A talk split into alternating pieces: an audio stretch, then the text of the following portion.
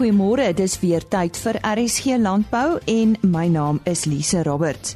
Ons vind vandag uit wat gebeur op 20 Julie in die Philipstown omgewing. Ja, die Jong Ooi Klub bied 'n spesiale geleentheid aan, so bly ingeskakel om meer daaroor uit te vind. Dan gesels Henny Maas met Johan van der Berg oor weer vooruitsigte. Ons vind ook meer uit oor die herfskomando wurm in die Wes-Kaap en ons ontmoet 'n kruie en groenteboer van die Jamestown omgewing. Ons sluit vanoggend eers aan by Henny Maas. Ons uh, gesels nou met professor Handeline Duplessis. Sy uh, is van die Noordwes Universiteit en ons gaan praat met oor die feit dat uh, die herfskomando wurm het blykbaar nou weer kop uitgesteek in in die Wes-Kaap. Daar is al motte gesien daar. Uh is dit vreemd dat uh, die komandowurm daar voorkom Hanelien? Uh nee nee, nee dis nie vreemd nie. Uh die tyd van die jaar is self vreemd, maar ek dink die motte is 'n rukkie terug daar gevang. Um en die die teenwoordigheid van motte sê maar net dat 'n plaag in die omgewing is, maar ek betwyfel dit baie sterk dat hy nou nog daar teenwoordig is. En hulle sê dat hierdie uh plaag kan wel 'n uh, koring aanval. Is dit so? Dis waar. Um maar dan moet die omgewingstoestande reg wees vir insek om te oorleef. Um wat ons moet onthou is dat hierdie herskomando wurm sy oorsprong in Suid-Amerika het en hy is dan bekend as 'n tropiese of subtropiese plaag. Nou as ek daar bietjie kan uitbrei, insekte in die algemeen is ektotermiese diere. Wat beteken dat hulle liggaamstemperatuur saam met die temperatuur van die omgewing wissel. Nou, as ons onthou dat die herskomando wurm 'n tropiese of subtropiese plaag is, sê dit dadelik vir ons dat hy aangepas is by warm omgewingstoestande. So ek dink die vraag vir die boere in die koringboere spesifiek in die Wes-Kaap nou moet vra, is nie so seer of die larwes hulle koringoeste gaan vernietig nie, maar eerder of hierdie larwes die winters in die Wes-Kaap kan oorleef om daai skade aan te rig.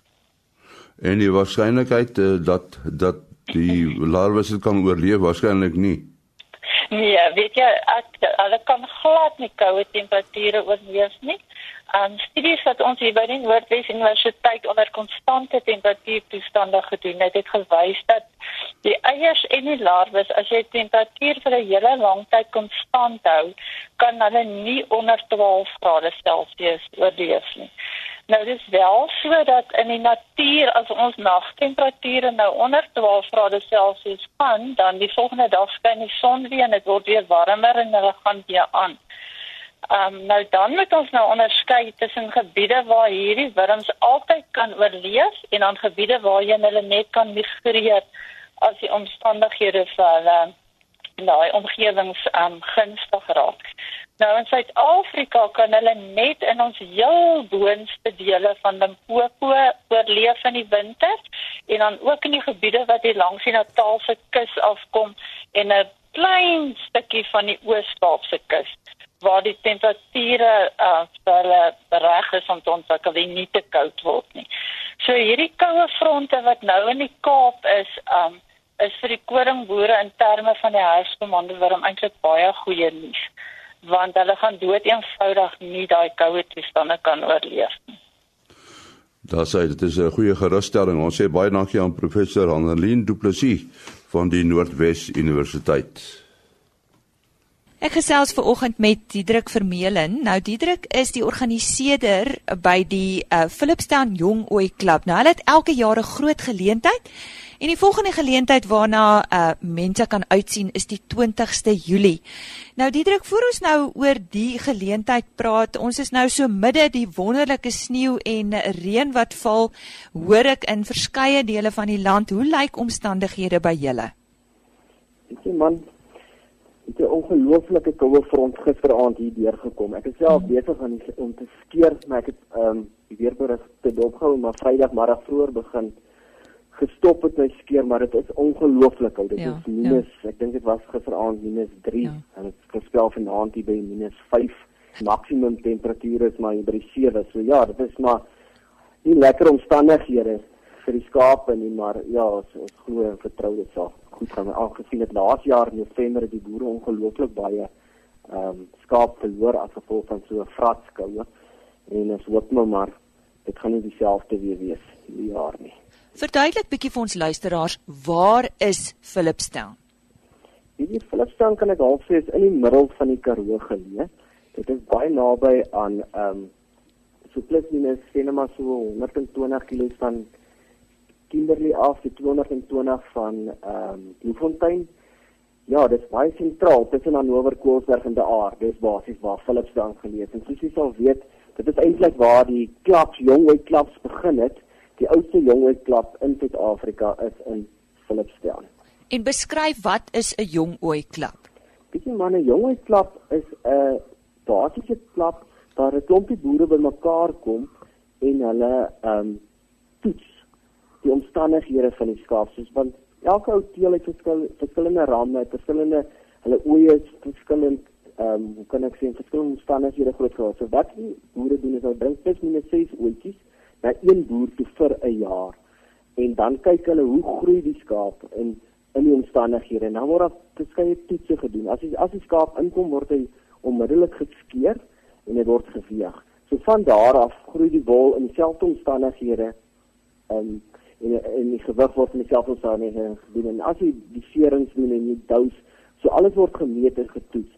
Dit is die Philipson wat die oudste jongheid klap is gedoen. Maar dit uit uit hierdie klap het daar soveel ander klaps ontwikkel. Ek is ook deel van van Modern Merino klap wat die jongste klap die laas jaar was, maar daar is nou intussen nog twee klaps gestig en basies Modern Merino is nie net uit Philipstown distrik boere nie. Dit is byvoorbeeld uit Hannover distrik, uit Koelsberg distrik en hierdie boere toets dan weer die skaap in, in verskillende omstandighede. So basies die jong ouetjies loop hierdie jaar by my, maar laas jaar is dit by ehm um, kleintjie retief geloop wat in die Hannover distrik is. So mense mense toetsing raak 'n bietjie breër in verband en wat ons ook nou verder vat is ons ons maak die oeye nou dragtig om te sien hoe hoe die vatbaarheid van die oeye vrugbaar is die oeye en so ja dit is maar dat die boere tussen mekaar toets om 'n beter produk eindproduk in die, op die ou end in die hande te kan kry. En wat gebeur op 20 Julie? Dit is 20 Julie. Ons het ek het 3 jaar terug ehm um, ek en 'n paar boere gesit en gesels het ons besluit om 'n jong ooi interskou kompetisie te hou. Laat ons 'n bietjie sien hoe die verskillende ooe se wol gegroei het in verskillende distrikte. So wat hoe die verskillende klaps uit verskillende distrikte kan saam ding met, met mekaar en ook ehm um, bietjie kan kennis kan onder mekaar kan uitruil en wat vir hulle goed werk en so aan en so ja, so dit het begin om 'n interskou te reël. So elke ou uit uit die verskillende klaps bring um, ses oetjies van hulle na na my plaas waar ons onder mekaar dan 'n klein skoutjie hou deur deur die NWKV Gawie van Wyking gewoonlik die skou die dag. En ja, dan kan hulle 'n bietjie inligting onder mekaar hê. Hierdie jaar is dit byvoorbeeld Middelburg, ehm um, Jongweiklap, Modern Merino wat nou 'n verskeie distrikte is, ehm um, Noupoort, Philipstown en dan is daar ook 'n nuwe jong klap, De Aar en ehm um, ja, en dat se nou eh Volksburg het vir my laat weet hulle is ook besig om 'n klap te stig, so hulle sal volgende jaar weer deel. So ja, ek dink hierdie ding groei en dit is 'n inspirasie vir die ouens om 'n bietjie om bietjie kennis te deel, maar ook die dag gaan nie net oor die jong oor nie. Ons probeer om 'n bietjie goeie kennis in sprekers hier te kry wat 'n bietjie meer van van hoe kan ek sê van hoër vlak op grondvlak kan met die boere kan gesels en ehm um, inligting deel. En ja, die boere die vryheid het om self die ehm um, ouens bietjie meer te kan vra. So basies hierdie jaar het ons baie goeie sprekers. Ons het byvoorbeeld Herman Hugo wat die ondervoorsitter van die NDKV was, Wolf Etmeyer wat die ehm um, direkteur van BKB Pieter Eckwood, hy is spesiaal van Londen om vir ons te vertel hy is die hoof van die IWTO, die internasionale um, wool corporation en en hy is ook deel van die campaign of hoe hy die CEO. So om vir ons meer te sê wat die in, op internasionale vlak wat hulle verwag van boere in wol omset en al daai tipe dinge. En ja, dit dit dit gaan net 'n ongelooflike interessante dag. Dag gaan ons vir Jeff Tingwell hê wat hy het lank by kyk hoe's gewees hy's nou op die direksie van BKB en hy's ook baie betrokke by die IWTO en hy gaan ons weer vertel oor die bemarking van die wol en dan gaan ons vir Pieter Gary kry een van die kopers van van ons wol as dit baie toe gaan en dit weer uit hulle voer dit weer uit na die verskillende ouens. So ja, dit ek dink dit gaan 'n ongelooflike interessante geleentheid wees en waar boere die kans gaan kry om vrae te vra wat hulle graag wil weet in verband met wol en wat is die verwagting op internasionale vlak oor die wol. En dit is hoekom ek altyd sê ek ek woon ook 'n klompie ehm um, kongresse probeer ek van die IWT uh, bywoon. Ek was uh so drie vier weke terug in Hong Kong by die, by die kongres gewees en ons het daar agtergekom hoe belangrike rol wil nou op die oomblik in die wêreld speel. Ek het nooit geweet die weermag byvoorbeeld van die USA, hulle gebruik wol nie. Ek het uh, China se weermag begin. So daar's 'n groot lief aanvraag in selfs in sport. Adidas, hulle gebruik baie wol. So die die, die aanvraag en veral Suid-Afrikaanse wol is ook omdat ons ons lewer van die minste wol in in die wêreld, maar omdat ons wol so goed geklasseer is, is dit absoluut 'n groot aanvraag. amper 100% van ons wol word gebruik om klere en goed te maak. So dit is ja, dit is 'n groot ding en dan wat die dag ook in hier terug te bring wat ook aan met dit is net 'n geleentheid wat sprekers is, dit is net 'n geleentheid wat ouens skou nie, dit dit gaan ook oor dat die ramteelers kan hulle ramme bring en 'n bietjie vir die boere meer wys hoe hulle teeling werk en wat hulle ramme behels en miskien sien 'n boer net iets uh, uh, uh, uh, hoe kan ek sê genetika wat hy soek in sy oeye en uh, wat dit en dit is glad nie hoe kan sê die ramteeler is glad nie onder kompetisie onder mekaar dat dit 'n ramveiling of 'n ram skou of iets as die, die ramme word net uitgestel en die ouens kan deurloop en vra vra vir die boere. So ek dink dit is 'n baie gemaklike vlak en dan het ons ook baie voertuie wat uitstal en dit is staddietjies en selfs helikopter um, ritte. So ja, ek dink hierdie hierdie hierdie storie groei baie en dan in die aand het ons byvoorbeeld te sangers soos Adam Tas wat kom sing die aand. So ja, ek dink vir die Karoo is dit 'n groot ding en 'n groot opwindendheid. Ja, ek hoop dit is nie te koud vir julle nie. Kom ons uh, gee vir luisteraars net 'n uh, kontakbesonderhede as hulle dalk met jou wil praat of het jy 'n webtuiste of vir meer inligting uh, die druk?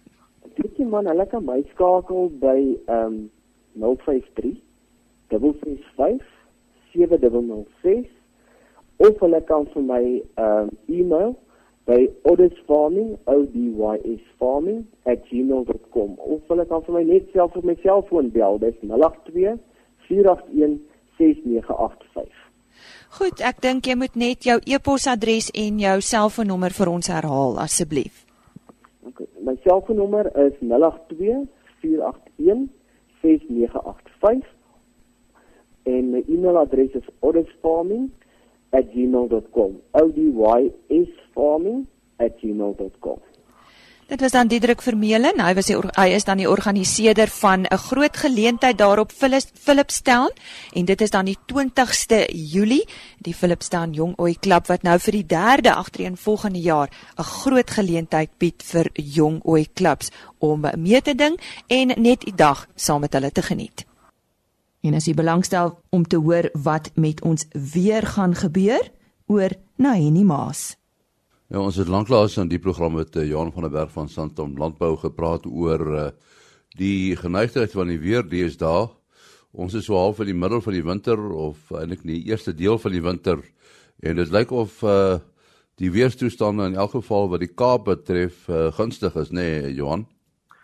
Ja, ek dink ons het daarom vir die afgelope paar jaar is hierdie die beste reën wat ons Mei en Junie gehad het uh vir die Weskaap groot gedeeltes van die Weskaap en ons het dan gesien dat die damme begin aanvulling kry. Ehm um, so daar's vir die eerste deel in Julie baie sterk koue fronte wat deurkom. Ehm um, so dit is eintlik 'n redelike normale situasie want Junie en Julie is die die koue maande, dis die reënmaande in die in die Weskaap of die winterreënvalgebied. Ehm um, en dis die koue toestande hier oor die sentrale dele van die land. Ehm um, so dit is redelik normaal uh, alhoewel ons in Junie nog nie verskriklike koues gehad het nie. Is Julie daarom uh, vir hierdie eerste deel uh, baie koud. Ja goed, as jy mens kyk na die ander dele van die land, uh, die koue het tog nie eintlik werklik toegeslaan nie, nê. Koue is besig om toe te slaan hier uit die suidweste en die weste uh selfs gedeeltes van Namibië uh waar die koue front deurkom en verder noord ook. En natuurlik hierdie temperature wat so laag is, is dis goed vir die koue indekse, nê? Nee?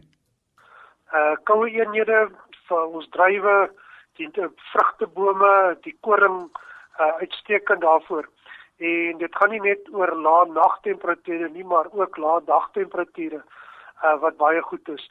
So hierdie um, is 'n baie goeie en, en intense uh klomp koue eenhede wat versamel word en dit kan baie positief wees uh vir van die bedrywe soos ek genoem het die vrugte uh en die koringbedryf self. Nou so aan die einde van uh van die somer uh hoe lyk die die grondwater op die oomblik die posisie?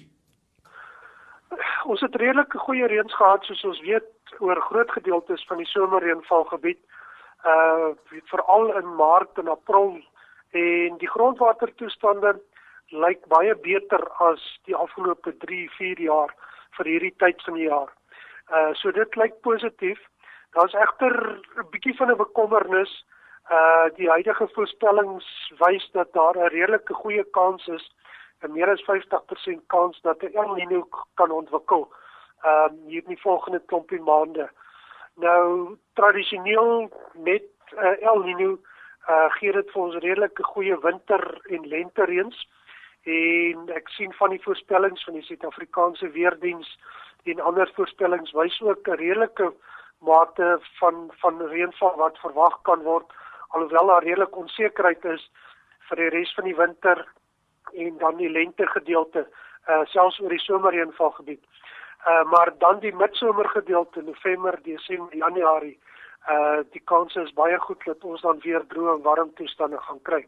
Maar gegee hoe die grondwater wat nou opgegaar is en die kans dat ons nog 'n klompie reën gaan kry uh in die volgende paar maande, uh laat winter en en die lente kan dit redelik die El Niño se tande dalk trek en behoort dit nie te ernstig te wees nie. Uh die Indiese Oseaan is op hierdie stadium lyk voorstellings ook dat dit neutraal gaan wees en dit is ook goeie nuus in terme van reënval want 'n warm Indiese Oseaan tesame met 'n El Niño is baie keer verantwoordelik vir redelike rampdroogte toestande. So dit lyk nie op hierdie stadium of of dit uh, of dit so erg kan wees nie. Dis nog vroeg in die seisoen, dinge kan ook nog verander. Ons het gesien laas jaar het ons aanvanklik ook 'n El Niño voorspel en dit het verander dat dit op die einde 'n La Niña geword het. Maar in die volgende maand of 2 sal ons meer sekerheid hieroor kry. Ons sê baie dankie aan Johan van der Berg. Hy is uh van Santam Landbou. Dankie Annie. Ons gesels vanoggend met Henry Arendse. Nou, ek het vir Henry en sy vrou raakgeloop daar by die Suid-Afrikaanse Kaasfees. Hulle was een van die besoekers en hulle is kruie groenteboere daar in die Jamestown omgewing, maar ons gaan so 'n bietjie meer oor hulle boerdery uitvind en hoe hulle gekom het waar hulle is vandag, want ek dink dit is belangrik vir veral vir ons kleiner boere wat dalk moontlik al moed verloor het. Uh, Henry, baie dankie dat jy met ons gesels. Verduidelik eers vir ons waar is die plaas geleë? Dankie Lisa vir jou vir jou oproep en dankie dat jy vir my uh, gekies het basies om om 'n bietjie te vertel oor ons boerdery. Want ons is in Jamestown geleë. Dit is so so 7 km buite Stellenbosch op op die R44 op pad soms het weste. Nou ek het genoem dat julle kruie en groente groei, maar presies wat produseer julle?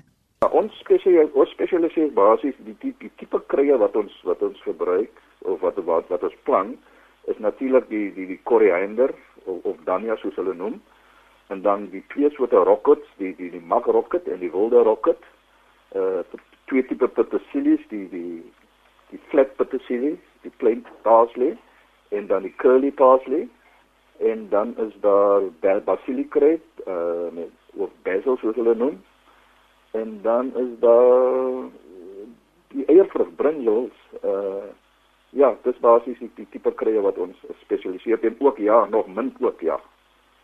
Nou toe ons vroeër gesels het, het jy genoem dat jou pa 'n boer was en dat jy nou broer altyd maar gehelp het op die plaas en ek dink dit word maar van van julle verwag. Maar vertel kortliks vir ons hoe julle pad geloop het tot volwaardige boere vandag. Man ja, my pa het eintlik vir ons die basis neergelê. Uh wat boerdery, hy was hy was 'n uh, hart en siel 'n uh, uh, boer basis. Hy het eintlik veel skool gegaan nie en hy het hom toegespits op die boerdery waar hy 'n stuk grond by 'n boer gekry het wat wat wat op hom vir die grond gegee het. En uh, hy was basies 'n arbeidsboer voor voorheen. En daar het hy, hy vir ons die basis neergelê wat boerdery uh als is, jy sien. En uh kan daar af het ons natuurlik die liefde vir die boerdery gekry en en en en, en het kyk het dit het dit al ernstiger geraak in, in by ons in elk geval. So ja, dis daar wat ons liefde begin het vir die boerdery. Hoe lank het dit nou geneem om te kom waar jy is vandag? Lisa, jy weet uh, ons het natuurlik skool gegaan ook en na na skool het ons uh, natuurlik om 'n bietjie kom help op, op, op die landery. Maar kom ek sê vir jou, ek is omtrent seker so 40 jaar in die bedryf al. En uh ja, ek het heel wat geleer. So 40 jaar in die boerderybedryf is is is, is 'n lang pad en ek het heel wat baie geleer uit die boer. Dieselfde met my broer wat wat wat wat eintlik langer as ek in die bedryf ook is, ja. Ek sien daar's 4 direkteure van die maatskappy. Wie's hulle, uh, Henry? Ons kyk Arendse boerdery is is ons geregistreer as Arendse boerdery Primary Cooperative Limited met vier direkteure wat wat wat ek myself Henry, my broer Pieter, Hilton en Charlton is. Ons is die vier direkteure. Nou elke elke direkteur het sy eie portefeulje wat hy doen. Soos byvoorbeeld Hilton, hy is die ou wat ons bemarking doen. Hy uh, kry vir ons nuwe vendors. Hy hy is die man wat wat wat wat wat ons seilings saai. Hy is die een wat wat navorsing doen oor die oor die verskillende variëteite. Uh ja, dit is sy portefeulje. My broer is eintlik hy sê hy sê rekenmeester, hy sê hy sê paymaster soos hulle kan sê. Hy beheer geld sake. Ja, die geld sake een op hy is natuurlik op die land ook. Uh ek myself uh Henry is die uh die ou wat nou natuurlik die uh die vergaderings bywoon by die departement en aan en die aansoeke doen vir vir vir, vir befondsing. Dit is my portefeulje en ook op die land natuurlik. En Charlton is natuurlik uh, jack of all trades. Hy doen basies alles as as een van ons uitval of siek is dan dan spring hy maar in uh, om die res te doen. Dit klink vir my nou 'n goeie paar mense om uh, om in die bedryf te hê. Nou die proses om aansoek te doen by die departement landbou in die Wes-Kaap. Julle is daardeur. Wat dink jy is belangrik as dit by so 'n aansoek kom? Ja, kom ek sê vir jou Lise, voor voor jy aansoek doen, kom daai mense eers uit om te kyk of jy wel effektief boer en of jy en hoe groot jou grond natuurlik is. Kyk, hulle gaan nie vir jou befondsing gee vir 'n stukkie grond wat wat wat wat wat wat 'n paar vierkante meter groot is nie. Jy sê so ons boer omtrent so op 'n uh, tussen 2 en 3 uh, hektaar grond wat nou nie wel 'n plaas is nie, dis 'n klein hoewe soos hulle noem. Maar uh, ja, hulle kom, hulle kom inspekteer uh, en hulle kom natuurlik kyk jou jou jou jou, jou netheid van jou grond of daar toegangspaaie is en op daar water is en al daai klas van dinge voor jy jou aansoek kan kan kan indien. Ja. Om terug te kom na die boerdery toe, wie is julle mark? Kom ek sê Lisa, Into Foods wat voorheen Lombardi uh foods was. Hulle hulle hulle hulle supply vir Woolworths. Hulle is eintlik ons grootste mark. En dan het ons nog ander ander vendors ook wat ons voorsien, maar ek ek gaan nou net Into Foods noem vir jou wat ons grootste mark is, ja. En dan is jy Global Gap gesertifiseer. Wat behels dit, Henry? Gap beteken jy weet natuurlik global is wêreld, dus, né? En, en Gap beteken good agricultural practice. Wat beteken ons wil doen ons is global gap gesertifiseer wat beteken ons wil doen aan die wêreldwye standaarde wat wat wat varsprodukte betref. Nou global gap by jou is 'n hele klomp goed wat jy moet wat wat jy moet uh starter. Soos byvoorbeeld jy moet 'n spuitprogram hê. Né? Jy moet jou jou jou jy kon jy kan enige spuitmiddel gebruik nie. Jy moet spuitmiddels gebruik wat by 'n by 'n maatskappy koop wat AVCASA geregistreer is. Nou AVCASA beteken Association of Veterinary and Crop Association of South Africa. So daar moet jy al jou spuitmiddels koop. Die ander die ander dan is dat jy jou werkmense moet die Global Gap kursus ondergaan wat ons reeds gedoen het met hulle in so 'n kursus word elke jaar uh gegee vir hulle. Jou werkmense moet eenvormigheid aangetrek wees. Hulle moet hulle moet hulle moet almal dieselfde aangetrek wees. Jou toiletgeriewe moet moet op standaard wees. Uh hande moet gewas word as hulle klaar die toilet gebruik word. Jy mag nie 'n seerplekkie op jou hand of jou voet hê wat nie toegeplaaster is as as as jy oes of iets van daai aard nie ja. Dis dis dis alles waaroor global dit gaan. Nou ja, baie geluk daarmee ook want ek dink dit is nogal nie maklik om te voldoen aan al daai vereistes nie. Ter afsluiting Henry, uh jou boodskap aan voornemende boere, wat sal dit wees? Kom Lisa, kom ek sê vir jou. Uh boerdery sit nie in enige ou se se hoe kan ek nou sê se se se kop nie. Jy moet in eerste plek moet jy 'n passie vir boerdery hê. Tweedens moet jou boerdery volhoubaar wees. Derdens ons myn ons die die, die ons myn uh, fokus op die boerdery is werkskepping. Ons ons ons skep werk vir 10 permanente mense. Nou kom ek sê vir jou gedurende die droogte tydperk het ons omtrent 2 2 en 'n half maande droogte gehad wat ons geen sin verplant en nie geoes het nie. Maar ons het nog steeds ons mense aangehou. Uh hulle het wel halfdag gewerk, maar net om brood op hulle tafel te sit, het ons nog hulle steeds aangehou. So wat ek kan sê vir opkomende boere, dit is nie maklik nie, maar hou moed, hou vol en as jy 'n befondsing kan kry by die departement, dan is dit 'n dan is dit 'n groot hulp vir julle dat julle nie geld uit julle sak uit moet betaal vir vir vir vir, vir kunsmisse en allerlei klas van dinge nie.